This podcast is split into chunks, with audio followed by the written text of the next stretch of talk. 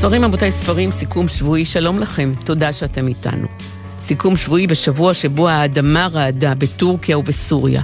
נשים, גברים, ילדים ותינוקות נהרגו ברעידת האדמה, והאו"ם מעריך שמספר ההרוגים עלול להגיע ל-20 אלף. מיליונים נשארו בלי קורת גג. מומחים לחילוץ והצלה ואנשי רפואה מכל העולם כבר נחתו באזורי האסון. במיוחד מרגשות המשלחות שהגיעו לטורקיה מישראל. משלחות מכמה וכמה ארגונים אזרחיים ומשלחת מצה"ל. והפוליטיקה, האינטרסים, החשבונות הישנים, הכל הכל נשאר בצד. ספרים רבותיי ספרים, אני ציפי גון גרוס, איתי המפיקות עשאל פלד ותמנה צורי, על הביצוע הטכני ניב ירוקר ואילי דרעי, בפיקוח הטכני גרם ג'קסון. בשעה הקרובה נדבר עם ראיה ג'קסון זלקין, שמפרסמת עכשיו את ספר הביקורים שלה, ימים של חול. נשוחח עם פיקי איש שלום, שהוא גם פרופסור ליחסים בינלאומיים באוניברסיטה העברית בירושלים, וגם צפר חובב. מחברות הצפרות נקרא הספר החדש שלו. במלאת שנה למותו של הסופר אמנון שמוש נשמע ראיון שערכתי איתו כאן בתוכנית בשבוע הספר בשנת 2011, וגם נשמע מהמתרגמת גילי חיימוביץ' על ספר השירים אבק וצבעים, שכתב המשורר האסטוני יאן קפלינסקי וגילי חיימוביץ' תרגמה. השבוע הלך לעולמו שבע ימים ומעשים טובים אברהם ורנר. איש יקר, חכם, נדיב, רגיש, צנוע וגם אמיץ. אברהם ורנר היה ניצול שואה, ובשנת 1999 פרסם את הספר האוטוביוגרפי רווח והצלה ממקום אחר. הוא נולד בעיר סאנוק שבפולין והיה בן 13 וחצי כשפרצה מלחמת העולם. בגיל 16 וחצי, ממש נער צעיר, ברח מהגטו כשבידיו תעודה מזויפת שמעלימה כמובן את העובדה שהוא יהודי. לא פעם ולא פעמיים ניצל ממוות אברהם, בזכות הרבה תושייה, אומץ לב וגם מזל. הוא הצליח להתקבל לעבודה בחיל ההנדסה הגרמני, ואיתם נדד בכל אירופה עד לגרמניה. ראיינתי את אברהם כאן בספרים רבותיי ספרים כשהופיע הספר שלו, והנה קטע מתוך הספר שמתאר איך אברהם מצליח לצאת בשלום מבדיקה רפואית שנשלח אליה, כדי לא להסגיר את העובדה שהוא נימול. כאשר הגעתי למרפאה מצאתי אותה ריקה מאדם לבד מהרופא, לא הצננת צעיר ונמרץ שלא הכרתי, שעמד סמוך לדלת. הוא בדיוק הסיר את חלוקו הלבן לפני שילבש את המקטרון הצבאי בדרכו לעזוב את המשרד. הצגתי את עצמי והסברתי לו את מטרת בואי. עכשיו אתה בא כשאני עומד לצאת? שאל ברוגז. חזור אחרי הצהריים ואז אבדוק אותך באופן יסודי. האוברטרופפירר גונטר ביקש שתבדוק אותי עכשיו, אמרתי. הוא צריך לשלוח בדחיפות את המסמכים למפקדה הראשית בברלין. נראה שמוראו של האוברטרופפירר נפל עליו, הוא הסכים לבדוק אותי. בסדר, תתפשט, אבל תזדרז כי מחכים לי לארוחת הצהריים. התחלתי להתפשט אם כי לא בחיפזון, כפי שהתבקשתי. הייתי לבוש בכמה שכבות בגדים, והסרתם התארכה. בינתיים קיוויתי, אולי יתרחש איזה נס, כי הרי רק נס עשוי להציל אותי. אבל הרופא הצעיר אצה הדרך. הוא הושיט את ידו אל מכשיר השמע, תופף באצבעותיו על השולחן בעצבנות, ושלח בי מבט בוחן. אתה עושה עליי רושם של בחור בריא, אמר פתאום. אתה סובל ממחלות כלשהן? לשאלה זו לפחות יכולתי לענות תשובת אמת. בקול רם ומשכנע אמרתי שאני בריא לחלוטין, ולא סובל מכל מחלה. ועם בחורות אתה מתעסק? הוסיף הרופא לשאול, כאילו יש בכך להצביע על מצב בריאותי. גם על כך יכולתי להשיב בביטחון שאין עוד דון ג'ואן כמוני. ואז התרחש הנס. טוב, חבל על הזמן שלי, אמר הרופא בקוצר רוח. אני מאמין לך שאתה בריא. תן את הטופס ואחתום עליו. הפעם לא התמהמהתי בלבושי. חיש קל חזרתי והתלבשתי ופרצתי במהירות מהמרפאה, בידיי תעודת בריאות חתומה, ומפי נפלטת אנחת רווחה. העולם נראה לי פתאום אופטימי וזוהר יותר, ואת הדרך חזרה עשיתי בריצה. כשהגעתי מתנשף למשרד המפקד, הגשתי לו את התעודה החתומה. הוא עדיין עמל על מילוי הטפסים, הרים את העיניים שלו ואמר בחיוך, אתה באמת זריז. כאשר נמסרה לי התעודה בטקס קצר במשרדו של המפקד, לא היה מאושר ממני.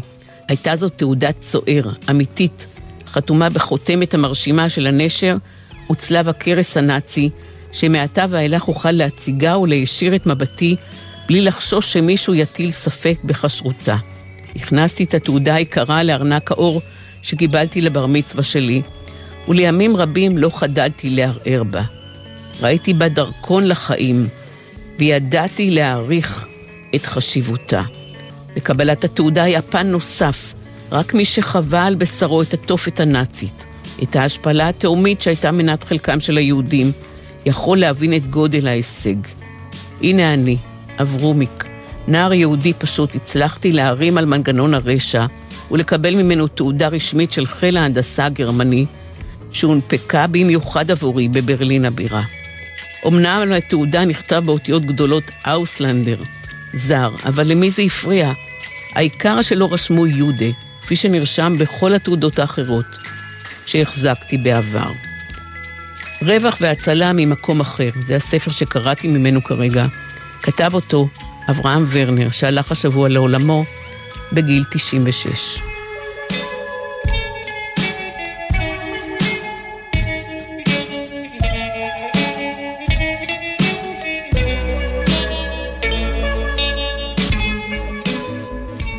פרופסור פיקי איש שלום הוא מרצה במחלקה ליחסים בינלאומיים באוניברסיטה העברית בירושלים.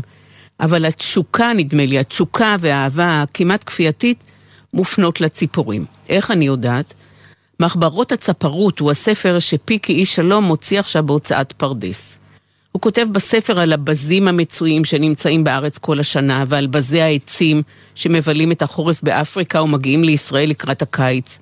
כותב על הככלים הרוננים שהתאספו במטע, כנראה אוגרים שומן לקראת הנדידה המתקרבת.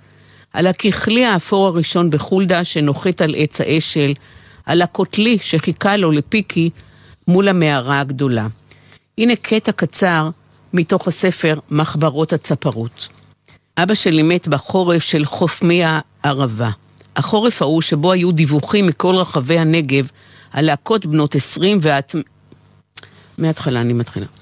אבא שלי מת בחורף של חופמי הערבה.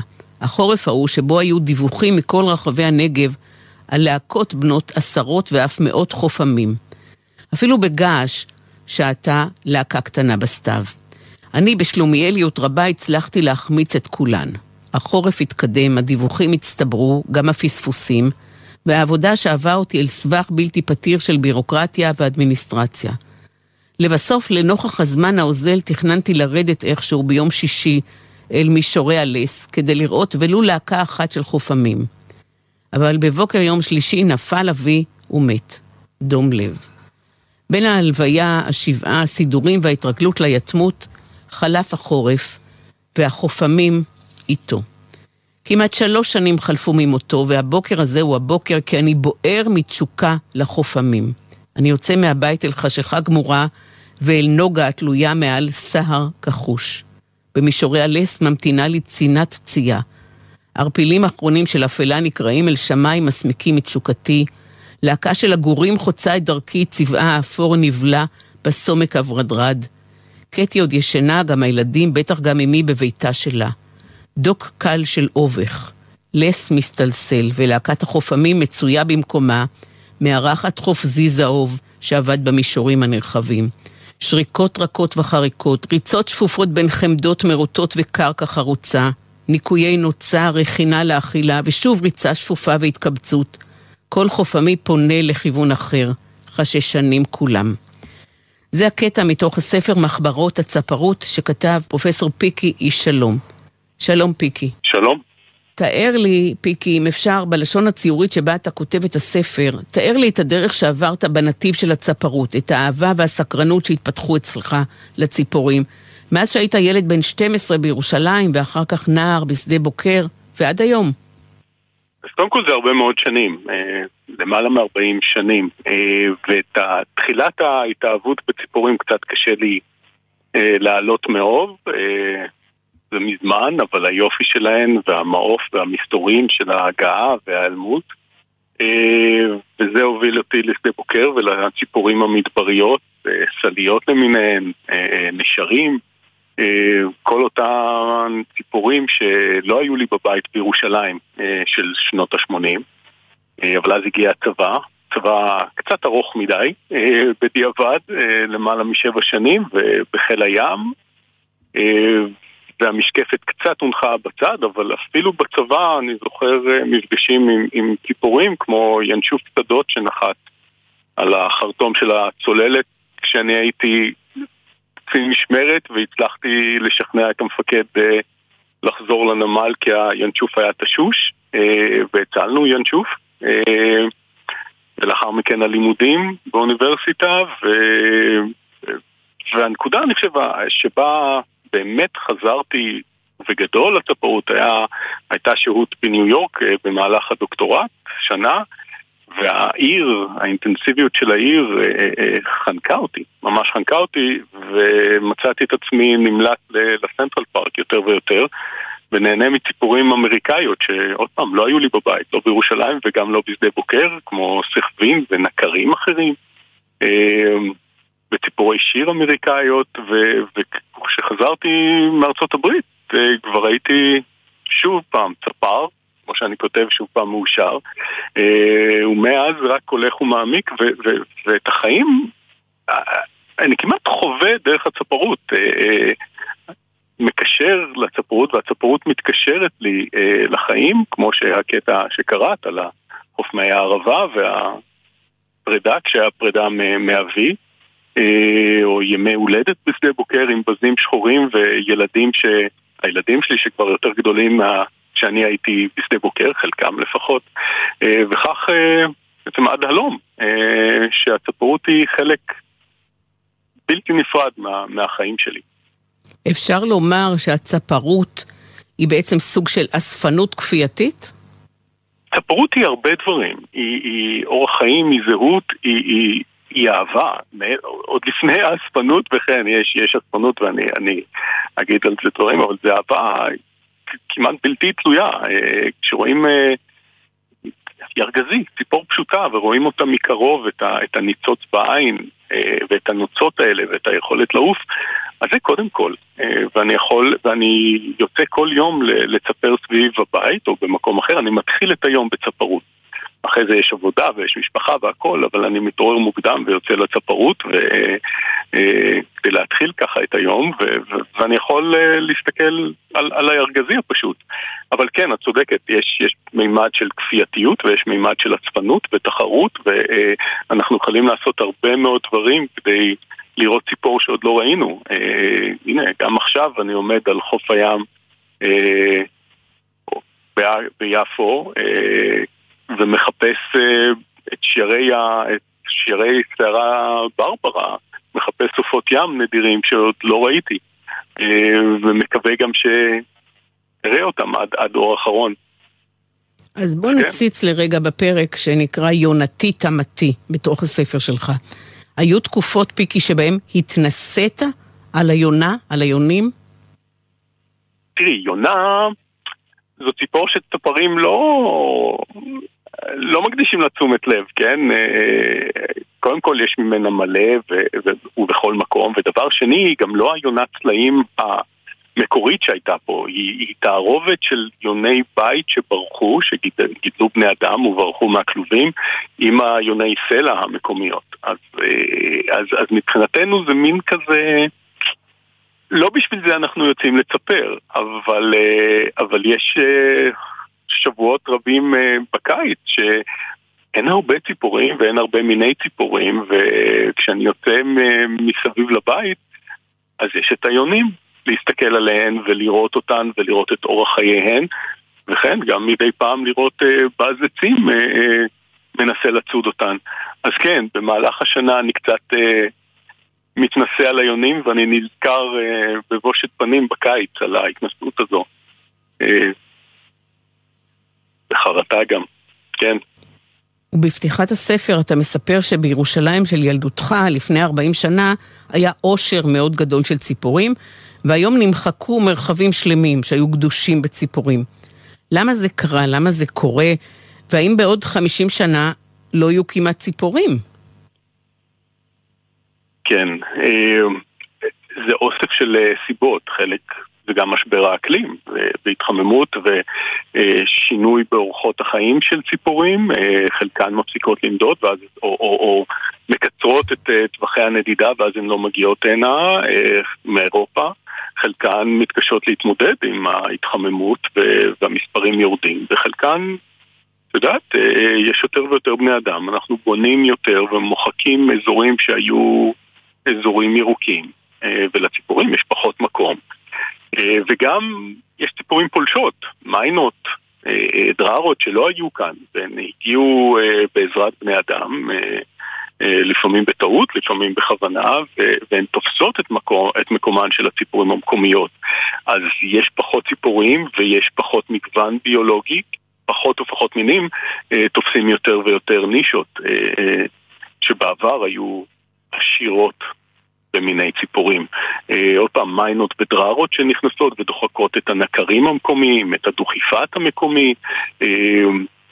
לפעמים פשוט דוחקים אותן מהקינים שהן אה, אה, בנו בגזע העץ אה, ברמה הזו. אה, אז, אז כן, ואנחנו, אני, אני יכול להגיד לך שצפרים חווים על, על בשרם את, את הירידה ב, במספרי הציפורים, אה, כמו הזרזירים, אני לא יודע אם את זוכרת, אבל אני בילדותי, אה, ירושלים אה, בחורף היו עננים של זרזירים לקראת שקיעה. בשעה הזו, אם הייתי יוצא אה, בעונה הזו בירושלים, הייתי רואה את העננים של הזרזירים מלהטטים לפני נחיתה על עצים ללינה. היום המספרים בירושלים, ואיפה שאני חי עכשיו, בחולדה, עשרות בודדות. אז אני אשאל אותך לסיום, פיקי, איזו ציפור אתה הכי אוהב? ואל תגיד לי, כולם ילדיי, את כולם אני אוהב. ציפור אחת. תחמאס מצרי. למה? תחמאס מצרי. למה?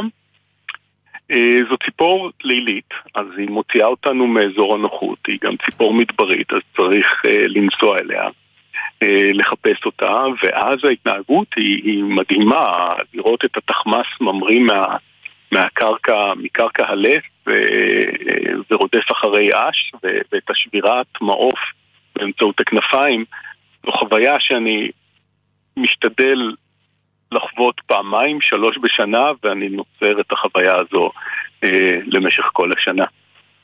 תודה רבה. פיקי איש שלום, הספר נקרא מחברות הצפרות. ואני אומר לסיום שני דברים. א', שאתה פרופסור ליחסים בינלאומיים בעברית בירושלים, לא פרופסור לצפרות. וב' שאבא שלך, אלכס, היה חוקר משטרה, וגם אתה בעצם חוקר שטח, חוקר של ציפורים, שמוכן, כמו חוקרי המשטרה המקצועיים, לנסוע בכל שעה עד קצוות הארץ כדי לתפוס ציפור שאתה משתוקק לראות, לתפוס במרכאות כמובן. פיקי, שלום, הספר הזה הופיע בהוצאת פרדס, מחברות הצפרות. תודה רבה לך. תודה רבה.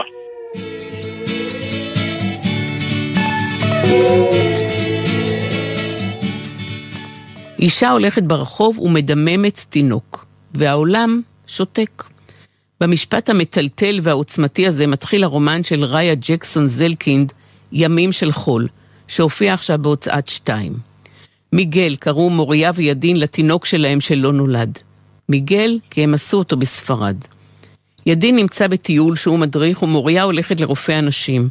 אני בהיריון, אבל נראה לי שכבר לא, היא אומרת לרופא, והרופא אחרי הבדיקה אומר לה, את צודקת, אני מצטער, אבל זה טבעי. זה קורה הרבה יותר משנדמה. זאת הברירה הטבעית של הטבע. כנראה שזה היה עובר פגום, וטוב שלא התפתח. ולמילה הזאת פגום מוריה לא מסכימה, כי לא יכול להיות שהוא היה פגום, היא יודעת, הוא היה הכל חוץ מפגום, הוא היה אור, מיגל. הרופא מציע למוריה כדור שיגרום לרחם להתרוקן, מציע גרידה ומורידה... מציע גרידה ומוריה מסרבת. היא תחכה, היא אומרת לו, שיתרוקן באופן טבעי. והתינוק אכן הולך ונוזל ממוריה, אבל היא מתנהלת כרגיל. שלום, ראיה ג'קסון זלקינד. היי, שלום. כשאני אומרת שהיא מתנהלת כרגיל, היא הולכת לפגישות עבודה, היא מקיימת את היומיום שהיא רגילה אליו, אבל היא לא מסוגלת לשתף באובדן הזה שלהם את ידין. למה מוריה לא מספרת לידין שמיגל, התינוק של שניהם, כבר לא חי ברחם שלה, כבר לא ייוולד? אה, יש לזה כל מיני סיבות, אני חושבת שאחת מהן זה שכשאנחנו אומרים משהו בקול הוא הופך למציאותי יותר, למוחשי יותר, והיא לא מסוגלת להתמודד עם, ה... עם הדבר הזה. אגב, לא רק לילדים, בהתחלה היא לא מספרת גם לאחיות שלה ולאחים שלה. האקט הזה של להגיד משהו בקול הופך אותה למוחשים יותר מדי בשבילה. וגם זה איזושהי אה, התעמתות שוב עם, ה, עם הנושא שמעיק עליה מאז ומתמיד של הזוגיות מול נפרדות. היא מרגישה שכל עוד מיגל היה אצלה ברחם, הוא היה משהו אחד שהוא קצת שלה לבד בעולם הזה. ו, וגם את המוות שלו ואת הפרידה ממנה היא רוצה לשמור קצת לבד לעצמה לפני שהיא לוקחת את זה ביחד עם ידין. יש תחושה של אשמה אצלה, של פגימות, לא הצלחתי לשאת את ההיריון הזה, וכמובן בדידות, כשהיא לא מספרת לידין, היא נשארת רק עם עצמה. עם האבל הזה. אה, נכון, האשמה היא, כן, כאילו כשהתינוק היה אצלה, הוא היה באחריותה, הוא היה ברחם שלה, והיא זאת שהפילה אותו, היא לא מצליחה... בעצם יש לה מין תחושה שהיא לא מצליחה להחזיק שום דבר, לא את הדת שהיא גדלה עליה, לא את הבית שידין כל כך רוצה שהיא תחזיק בשבילם. ועכשיו באמת את התינוק הזה. ואיך האובדן של ההיריון והסוד שמוריה נשאה בתוכה שלושה שבועות ולא גילתה לידין, איך אלה השפיעו על מהלך החיים שלהם, על הזוגיות שלהם? אה, זה בעצם פתח אה, פתח לפרידה זמנית שהייתה כנראה צריכה לקרות לפני כן. ידין אה, מחליט ללכת, להתרחק, הוא לא, לא יודעת אם הוא מחליט, הוא פשוט עושה את זה. הוא לא יכול לשאת את העובדה ששלושה שבועות היא הלכה עם סוד כזה ששייך גם לו בעצם. אה, ומתרחק, והחיים שלהם בעצם אה, לוקחים אה, שבילים נפרדים מהנקודה הזאת. וכל אחד מתמודד עם האבל הזה לגמרי לבד. ואת גדלת בהתנחלות, גם הגיבורה שלך, מוריה גדלה בהתנחלות, גם ידין, בעלה. מה זה אומר עבורך ועבור הגיבורים שלך לגדול בהתנחלות? החיים בהתנחלות כילדה קטנה הם חיים רגילים כמעט בורגנים. אה, יישוב קטן, פסטורלי, גגות אדומים, יש נוף מרהיב. אה, רק במבט, אה, גם כשמתבגרים קצת, וגם במבט לאחור, יש פתאום דברים תופסים משמעות אחרת. ש, שבעצם חייתי חיים ש, שקשורים לאיזושהי אידיאולוגיה שלא בהכרח בחרתי בה, הרבה שלי בחרו בה בשבילי. ואצל מוריה ויהודים זה מתבטא בחיבור וניתוק מהאדמה, זאת אומרת, הערך המרכזי של ההתנחלויות הוא אדמה, אנחנו רוצים את האדמה. ידין, ידין נושא את הערך הזה איתו דווקא בגלל שההורים שלו הפרידו אותו מהתנחלות כשהוא היה צעיר ועברו לעיר, אז הוא נושא את הערך הזה והוא מחפש כל הזמן להיות קרוב לאדמה. ובתמוריה זה מתבטא הפוך, היא מרגישה ניתוק מהאדמה והיא לא, לא מצליחה להרגיש את החיבור הזה. אולי אפילו כאיזושהי תנועת נגד, איך שהיא גדלה. והכתיבה של הספר הזה התחילה באירוע שאכן קרה בחיים שלך? נכון. אני הלכתי ודיממתי תינוק והתנגל לי בראש המשפט הזה, אישה הולכת ברחוב ומדממת תינוק, וידעתי שאני צריכה לכתוב את זה. ולא חששת מהחשיפה שיש כאן? אה, יש כאן באמת חשיפה. כשהתחלתי לכתוב את הסיפור הזה, החלטתי לכתוב אה, את הדמות של הגיבורה מאוד מאוד רחוקה ממני, בראש שלי הייתה הפוכה ממני בכל פרמטר, אה, ולאט לאט עם הכתיבה אז היא התקרבה אליי. אה, כי הרגשתי שיש איזשהו קשר שחייבים לדבר עליו, על הדבר הזה שלא מחזיק, כשאתה גדל בצורה מסוימת, ואחר כך אתה אה, בוחר בצורת חיים אחרת, וזו תחושה שאתה לא מצליח להחזיק את הדברים שההורים שלך כל כך רצו שתחזיק אחריהם, ואני לא יכולה, אין לי את היכולת לשאת את זה בשבילם. כלומר, בעצם במהלך הכתיבה, משתמע מהתשובה שלך, ניהלת מעין שיח עם הגיבורה שלך, עם מוריה, ולאט לאט הלכתן והתקרבתם זו לזו. נכון, ממש ככה. ולמה קראת לספר ימים של חול? אמ, מכל הדברים בספר זה הדבר שאני פחות שלמה איתו, אני חייבת להגיד. אה, היה לי מאוד מאוד קשה לבחור שם הספר, ובאיזשהו שלב אורנה למדה הוא העורכת אמרה לי שאני חייבת שהיום אנחנו קוראים לספר הזה בשם, אה, ומכל האפשרויות שעלו זה השם שהכי אה, יכולתי להתחבר אליו באיזשהו אופן. אה, ימים של חול, אני חושבת, מבטא את הפער בין הדבר המאוד גדול ואפילו גורלי שעובר על הזוג הזה, בימים שהספר מתחיל בהם, לעומת החול, כאילו הכל ממשיך כרגיל מסביב, העולם חי את החיים של חול, וגם הם בעצם חיים, חיים רגילים, ימי חול שגרתיים לחלוטין, תוך כדי שעובר עליהם משהו לא שגרתי בכלל. אה, וגם יש פה איזושהי רמיזה לקודש וחול, הפער בין הצורה שהם גדלו בה לחיים שהם בחרו לעצמם כשהתבגרו. תודה רבה, ראיה ג'קסון זלקינד. אני יכולה לומר שהפתיחה הזאת של הספר באמת לופתת אותך ומכריחה אותך להעמיק בו, להבין מה קורה שם, איך זה יכול להיות שבתוך זוגיות, והתינוק הזה שייך לשניהם, היא שותקת. איך היא מצליחה לקיים פגישות עבודה עם יוש למשל, שהוא מנהל שיווק באחד המפעלים והיא מנסה לעניין אותו במצגת, בעבודה שהיא רוצה שהוא ייתן לה. איך היא מצליחה לתפקד במצב הזה? מסקרן, ותודה רבה לך. ימים של חול הופיע בהוצאת שתיים. תודה רבה.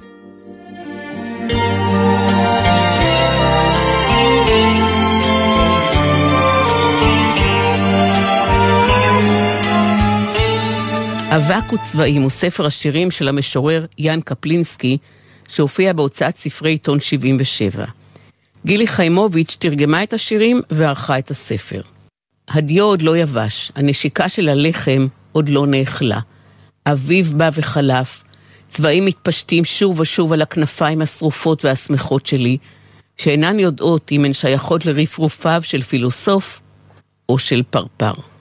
קפלינסקי, שזכה בהרבה פרסים ספרותיים חשובים וגם היה מועמד לפרס נובל, כותב בשירים שלו על האביב ששוב מושך באוזני הניצנים הצעירים, והאדמה שמחביאה דמעותיה תחת פרחי בכור אביב. רק האדם הגון בתוך עצמו, בהיסטוריה שלו, בעיתותיו. כותב מחזור של שירי העיקו על שירי המדבר, על מי הפלג ומי האגם, על עץ התפוחים הריק. כותב שיר שמתחיל במילים "כל גוסס הוא ילד". קפלינסקי אומר בשיר שלו שתפילה היא מה שנשאר כשהכל כבר נאמר ולא נותר דבר עוד להוסיף. גילי חיימוביץ' תרגמה את ספר השירים הזה כאמור. שלום גילי חיימוביץ'. שלום ציפי. מה מאפיין את השירים של יאן קפלינסקי? מה שמאפיין אותם הכי זה לא שהם אה, מראה, אלא הם, הם יותר כמו זגוגית של חלון. את uh, יכולה להסתכל דרכם החוצה ודרך זה לגלות את עצמך. והמבט שלך חופשי לשוטט על הדימויים שלו ועל האופן או דרך האופן שבו הוא מציג אותם בלי שיש בזה כפייה. ויש משהו בעדינות אה, הכמעט בלתי נראית שהוא תובע את הדברים שמחזירה לך איזה הדהוד אה, שיש בו הרבה יופי וגם איזשהו חידוש. כלומר, את תופסת את עצמך בצורה חדשה ממקום שברגע הראשון נראה לך מאוד מאוד רחוק. הוא למשל, אה, אם דיברת על התרגומים שלו, הוא מדבר על תרגום שהוא עשה גם ללאו צה, משורר סיני. והוא אומר, זה יכול להיות נכון או מוטעה, אבל הספר עצמו מזכיר לי את הפרפר שמתנפנף פה, את הבגדים שלנו שהתנופפו באותו, באותו לילה לבן בלפלנד, והוא מגיע לכאן ועכשיו, והוא תובע את הפרטים שכנראה קשורים לזיכרון מאוד uh, אינטימי שלו, אבל uh, הוא תובע אותם מהפרטים האלה, והוא מגיע לזה בזה שהוא מניח אחד uh, ליד השני את התרגומים, את הפרפר. את הבגדים המתנפנפים, את הגשם, את האור. והשיר האחרון בספר נקרא "נדמה שרק אתמול בבוקר קמתי משולחן הכתיבה והשארתי את הביוגרפיה שלי חצי כתובה, חצי קרואה". בשיר אחר הוא מתאר סדר יום של משורר. קם, מכין דייסה לילדים, הולך למכולת, עושה כביסה, ובאחר הוא אומר, שירה היא עלווה. מה קפלינסקי בעצם אומר בשירים שלו על השירה ועל המשורר? מה שהוא אומר זה שמשורר הוא מיכל, ואני הוא פחות חשוב כמשהו מרכזי להתעסק בו, אלא יותר כדרך אה, להסתכל על דברים אחרים. הוא למשל אה, מדבר על אה, האנשים שחוזרים מהשוק אה, שזיפים בידיהם, והם עוברים, עוברים דרך ביצה, שסביבה יש עצי לבנה כפופים, ואז הוא חוזר הביתה, חוזר לתרגומים, ומנסה לבדוק כל מיני מושגים יפניים, ובהם התוגה והיופי שיש ביומיומי. ובחיבור הזה את מבינה שכשהוא הסתכל על אותה ביצה ועל אותם לבנים, והוא מתאר שם אפילו את העשבים בפירוט של לתת שם לכל עשב, את מבינה איך הוא רוקם את היומיום ליופי כזה שאין בו זוהר, אבל אה, הוא נגיש ולכן הוא מוערך, אה, שזה דורש איזושהי יכולת אה, להבחין ביופי הזה. וקפלינסקי מת ב-8 באוגוסט 2021. את מוכנה לספר על האיש המיוחד הזה, האיש שהשפיע באופן משמעותי גם על החיים באסטוניה? כן, בשמחה. קפלינסקי נולד אה, לאב אה, פולנים, שורשים יהודים, ואימא אסטונית. אה, אביו אה, נפטר כשהוא היה ילד במחנה קומוניסטי, נפטר מרעב, היה מאוד צעיר. אה, בבגרותו המשיך את הקריירה האקדמית אה, של המשפחה ולמד פילולוגיה והתחיל מהר מאוד לכתוב שירה. השירה שהוא כותב היא באסטונית, שזאת שפה שרק מיליון וקצת אנשים מדברים בה, אה, והיא פרצה גבולות כבר אז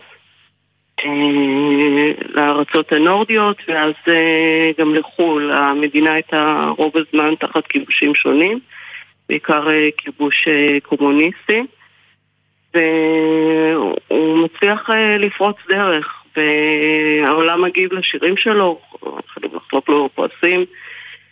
אה, הוא גם אה, פעיל אה, פוליטית, הוא גם עובד כאקולוג, וכש-91 המשטר הקומוניסטי עוזב סוף סוף את אסטוניה, הוא, הוא חבר בפרלמנט הראשון של המדינה. כך שקפלינסקי הוא, הוא יותר מהחשוב בכותבי אסטוניה, הוא גם, הוא גם סמל בעצם עבור האסטונים, סמל לחירות. אה, הוא גם אה, עסק באמת, כמו בשיר שהזכרת על הפרפר, הוא עסק גם בפילוסופיה ופרסם אה, סוגות שונות. השירה נהייתה הדבר המרכזי שהוא עשה.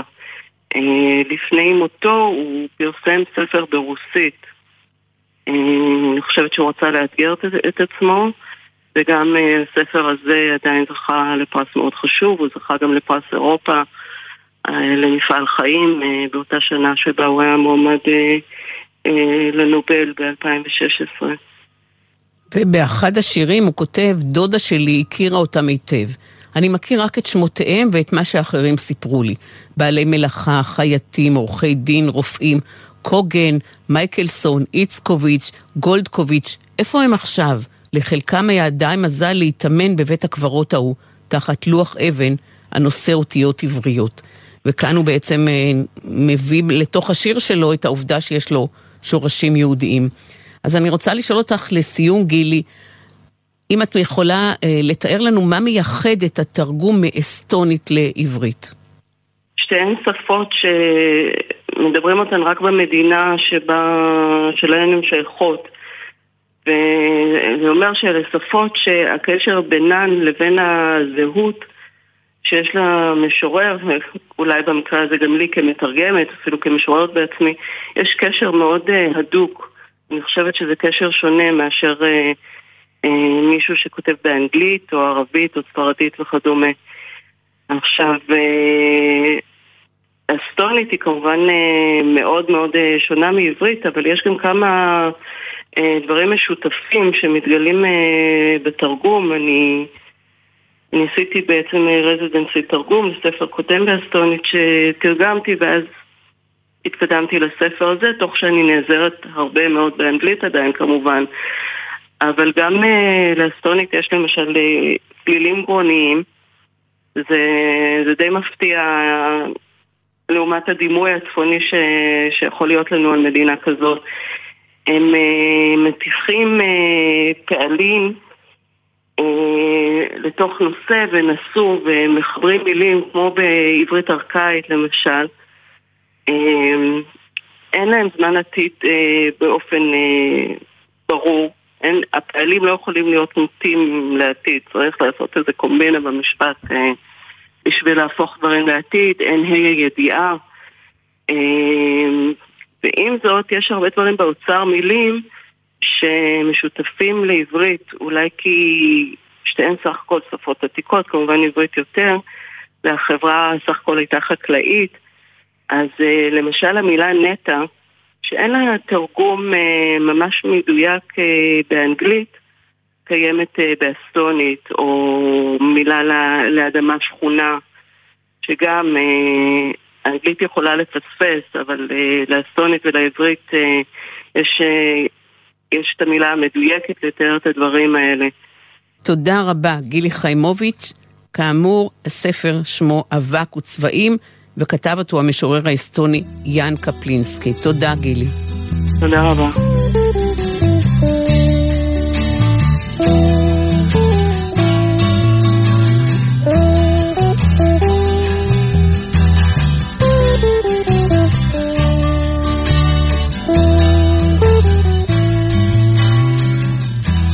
לפני שנה הלך לעולמו בגיל 93 הסופר והמשורר אמנון שמוש, שהיה חבר קיבוץ מעיין ברוך ונמנה עם המייסדים של הקיבוץ. גם כשהיה כבר מבוגר מאוד וכמעט עיוור, לא הפסיק אמנון שמוש לכתוב. שמוש נולד בעיר חלב שבסוריה.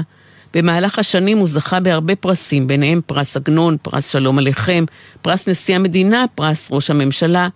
הספר הכי ידוע שלו הוא מישל עזרא ספרא ובניו, שגם הפך לסדרת טלוויזיה מאוד מצליחה.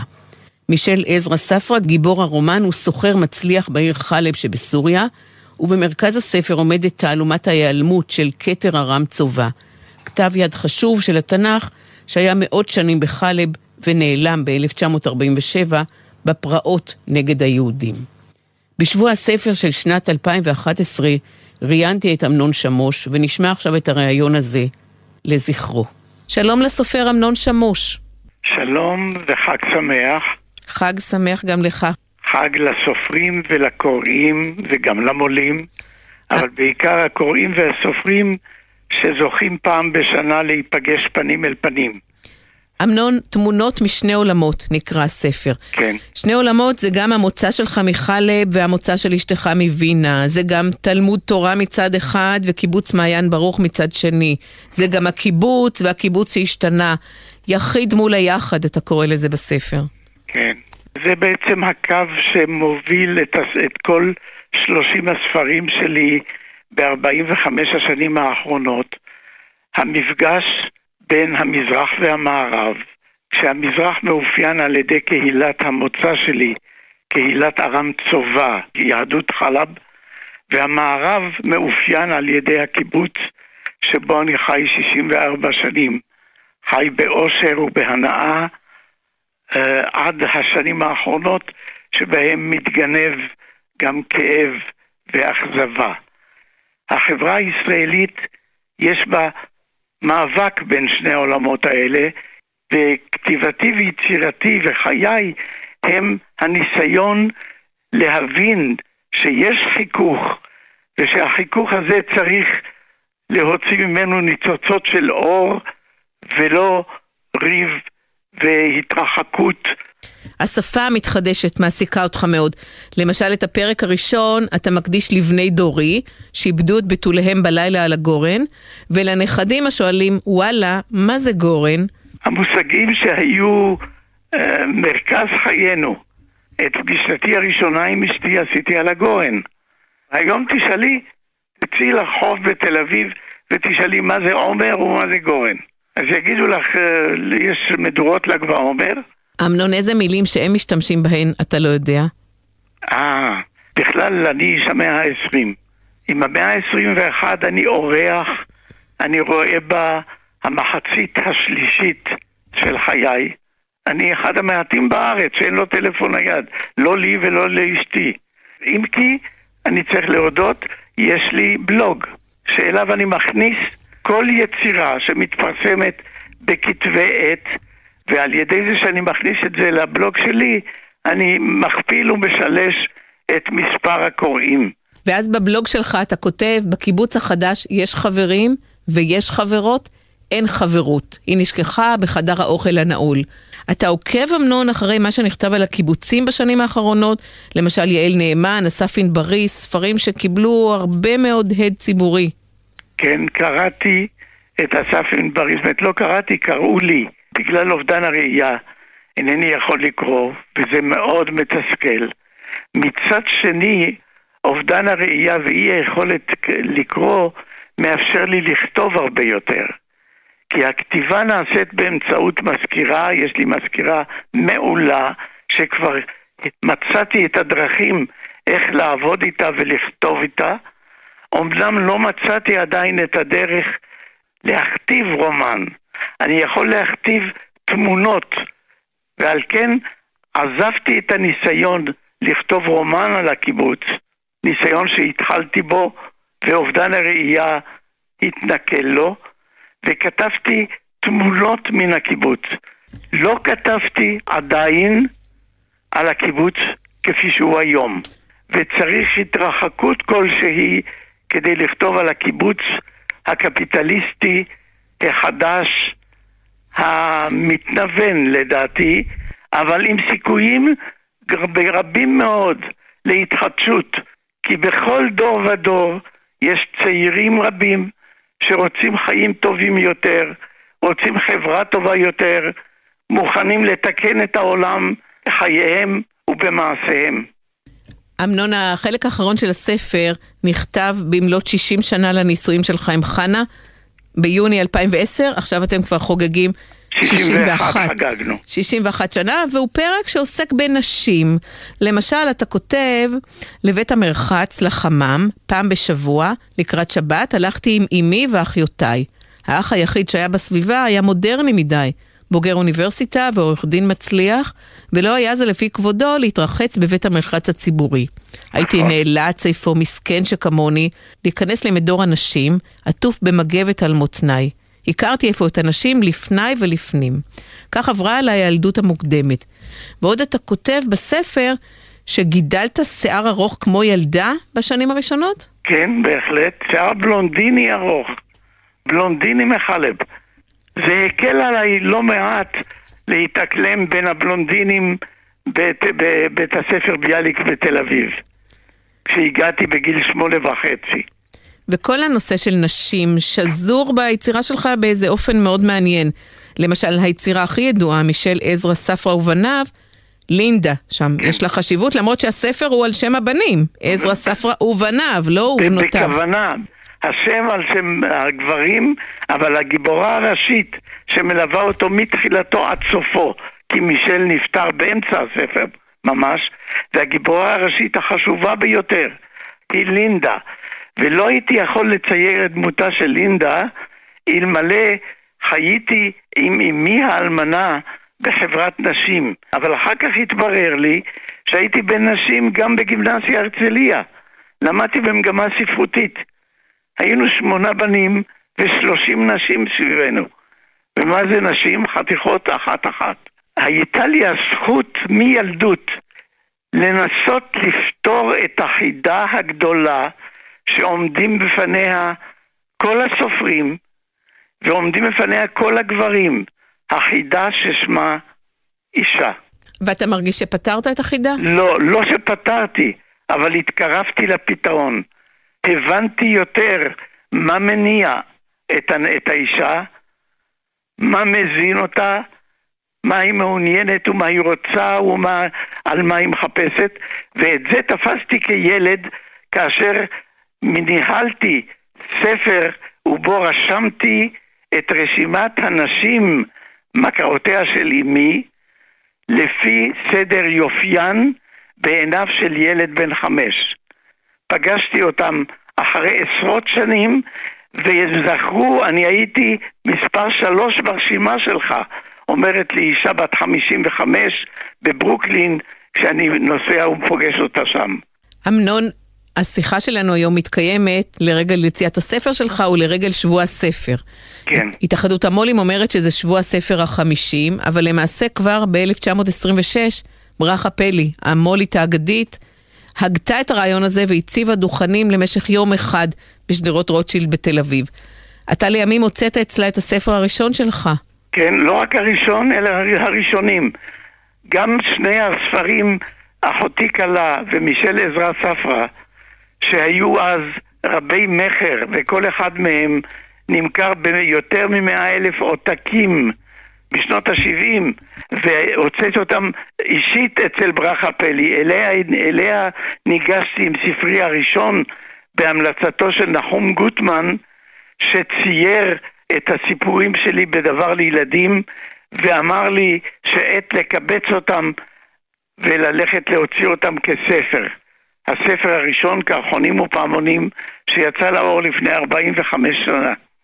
גם ברכה פלי לימים איבדה את מאור עיניה. כן, כן, אני יודע, ואני ליוויתי אותה והיא ליוותה אותי, והיא ונכדה יואב ברש, והוא היה מנהל ההוצאה תחת פיקוחה ותחת ידה החזקה של האם הגדולה של המשפחה. אז היה לי, הייתה לי הזכות להגיע עם ספרי הראשון ל, ל, למשרדה ולליבה של ברכה פלי. ואתה זוכר, אמנון, רגע אחד מרגש של חתימה על הספר שלך בשבוע הספר? מה זה רגע? המון רגעים. המפגש הזה ועם, עם הקוראים והשיחה הקצרה שמתנהלת, זה הרגעים היפים בחייו של סופר, בעיקר של סופר מתחיל. ועם ה... אה, אני זוכר את התורים שעמדו בשביל אחותי כלה. הסופר אמנון שמוש, שנה לפטירתו.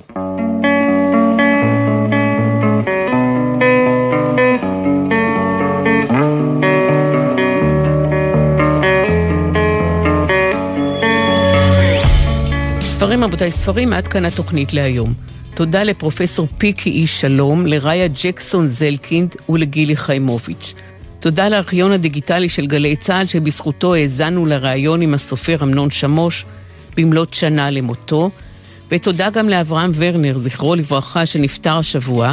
אברהם ורנר כתב את הספר רווח והצלה ממקום אחר, שקראתי היום קטע מתוכו. כתובת המייל לתגובות שלכם ספרים גון גרוס, כרוכית ג'ימל נקודה קום. באתר גלי צה"ל וגם ביישומון אפשר להזין שוב לתוכנית. דף הפייסבוק שלנו, ספרים, רבותיי ספרים בגלי צה"ל, מחכה ללייק שלכם. הפיקו את התוכנית עשאל פלד ותמנת צורי, על הביצוע הטכני ניב ירוקר ואילי דרעי, בפיקוח הטכני גרם ג'קסון.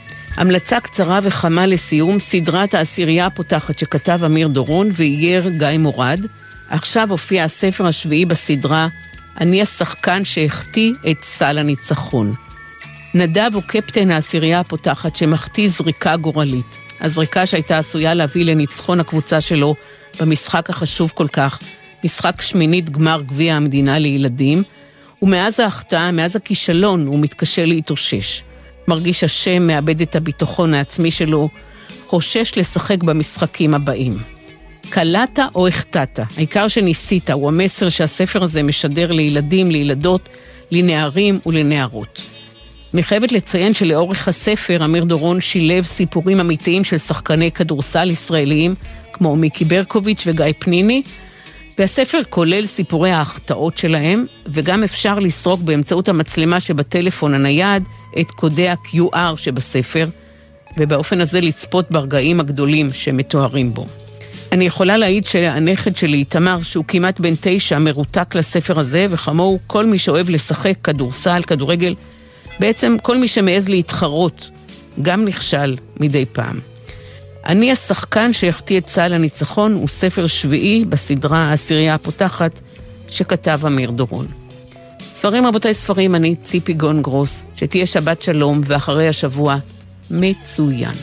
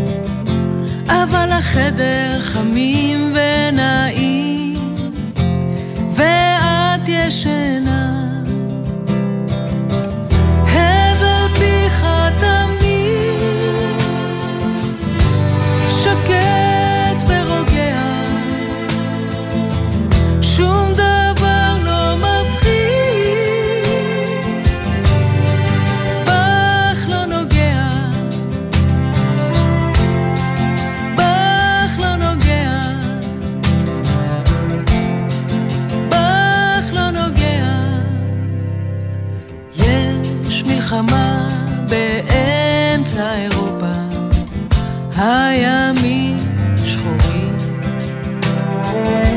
שיירה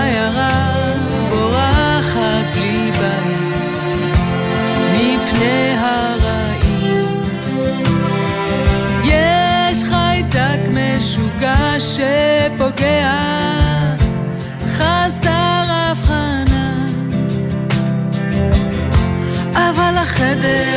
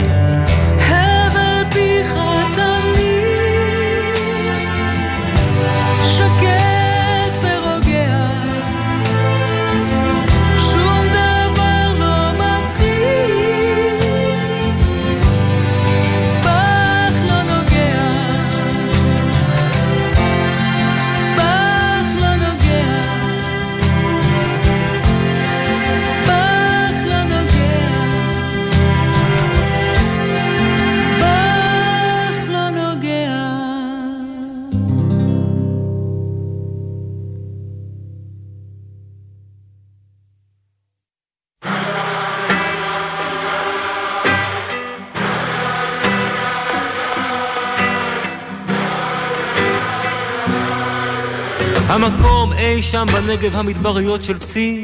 שלושה עשר גברים הולכים בחושך בחמסין בשיירה, בלי מטרה ברורה, כמעט בלי נשק ובלי מים. כלום לא קורה וכעבור זמן מה. קולו של יוד שובר את הדממה. מ' מתנהג כאילו לא שמע ורק מאט קמעה לבינתיים. שלושים ימים ושלושים לילות מטרטרים אותנו סתם מה נשמע, נשמע, סוף השבוע, בית של החיילים. גלי צהר כל הזמן. עקב רעידות האדמה, חשוב להכיר את ההנחיות. בזמן רעידת אדמה, הכי בטוח לשהות בשטח פתוח. אם אינכם יכולים לצאת בתוך שניות אחדות, היכנסו לממ"ד או צאו לחדר המדרגות. הורידו את יישומון פיקוד העורף לקבלת התראה על רעידת אדמה חזקה. מגישים ועדת ההיגוי הבין-משרדית להיערכות לרעידות אדמה, רשות החירום הלאומית, משטרת ישראל ופיקוד העורף. זו אותה נסיעה לעבודה או הביתה בדרך המוכרת, אבל בחורף זה לא אותו הכביש. בחורף, כשהרעות לקויה, קשה לנהגים יותר מהרגיל להבחין ברכב שעצר בשול הדרך. לכן, לא עוצרים בשולי הדרך, אלא במקרה תקלה שאינה מאפשרת המשך נסיעה. הרלב"ד, מחויבים לאנשים שבדרך.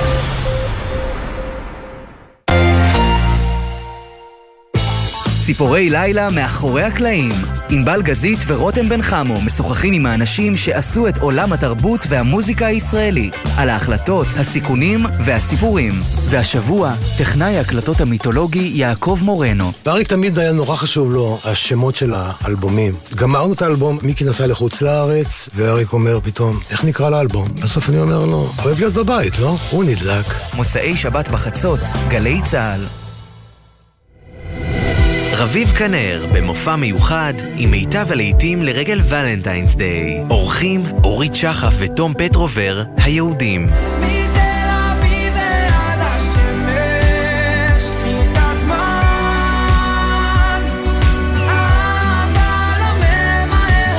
שלישי, תשע בערב, האנגר 11 תל אביב, ובקרוב בגלי צה"ל.